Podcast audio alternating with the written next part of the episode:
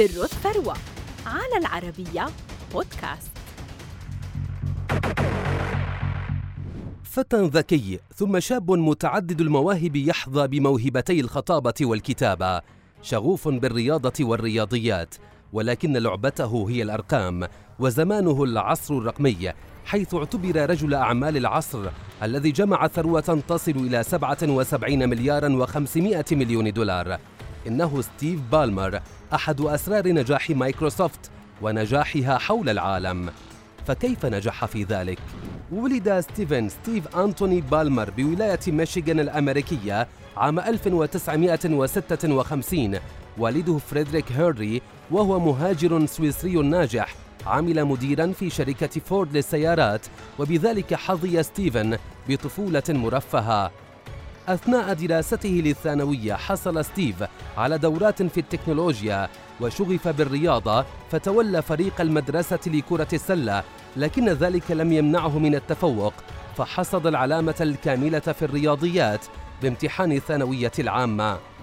في عام 1977 التحق بالمر بجامعة هارفارد لدراسة الرياضيات والاقتصاد وبالجامعة عمل بصحيفة الطلبة وكان مديرا لفريق كرة القدم.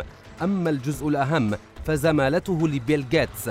أنهى ستيفن دراسته الجامعية وعمل بشركة للمنتجات الاستهلاكية قبل أن يلتحق بكلية الدراسات العليا للأعمال بجامعة ستانفورد. في تلك الفترة اهتم ستيف بكتابة السيناريوهات ولم يحدد إذا أراد اقتحام هوليوود ككاتب سيناريو حتى ترك الجامعة وانضم لمايكروسوفت عام 1980 في بداية عمله تولى ستيف تعيين الموظفين ولكن مع إعادة تنظيم شركة مايكروسوفت أصبح يملك 8% من حصصها ومع تحولها لشركة عامة في عام 1986 أصبح مليونيرا.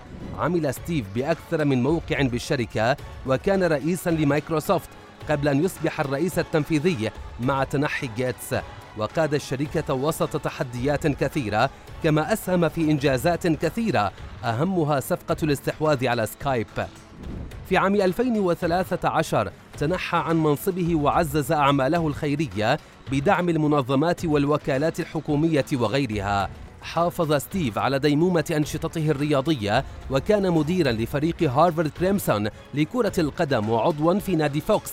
وفي عام 2014 أصبح مالك نادي لوس أنجلوس كليبرز كما أنه لاعب جولف تبلغ ثروة بالمر نحو 77 مليارا و500 مليون دولار وينافس العشرة الأوائل بقائمة أثرياء العالم. يقود بالمر دوره اليوم كداعم ومحفز للطاقات الشبابية حيث عرف بخطبه واقتباساته التحفيزية التي جعلت منه مثلا للعديد من الطامحين.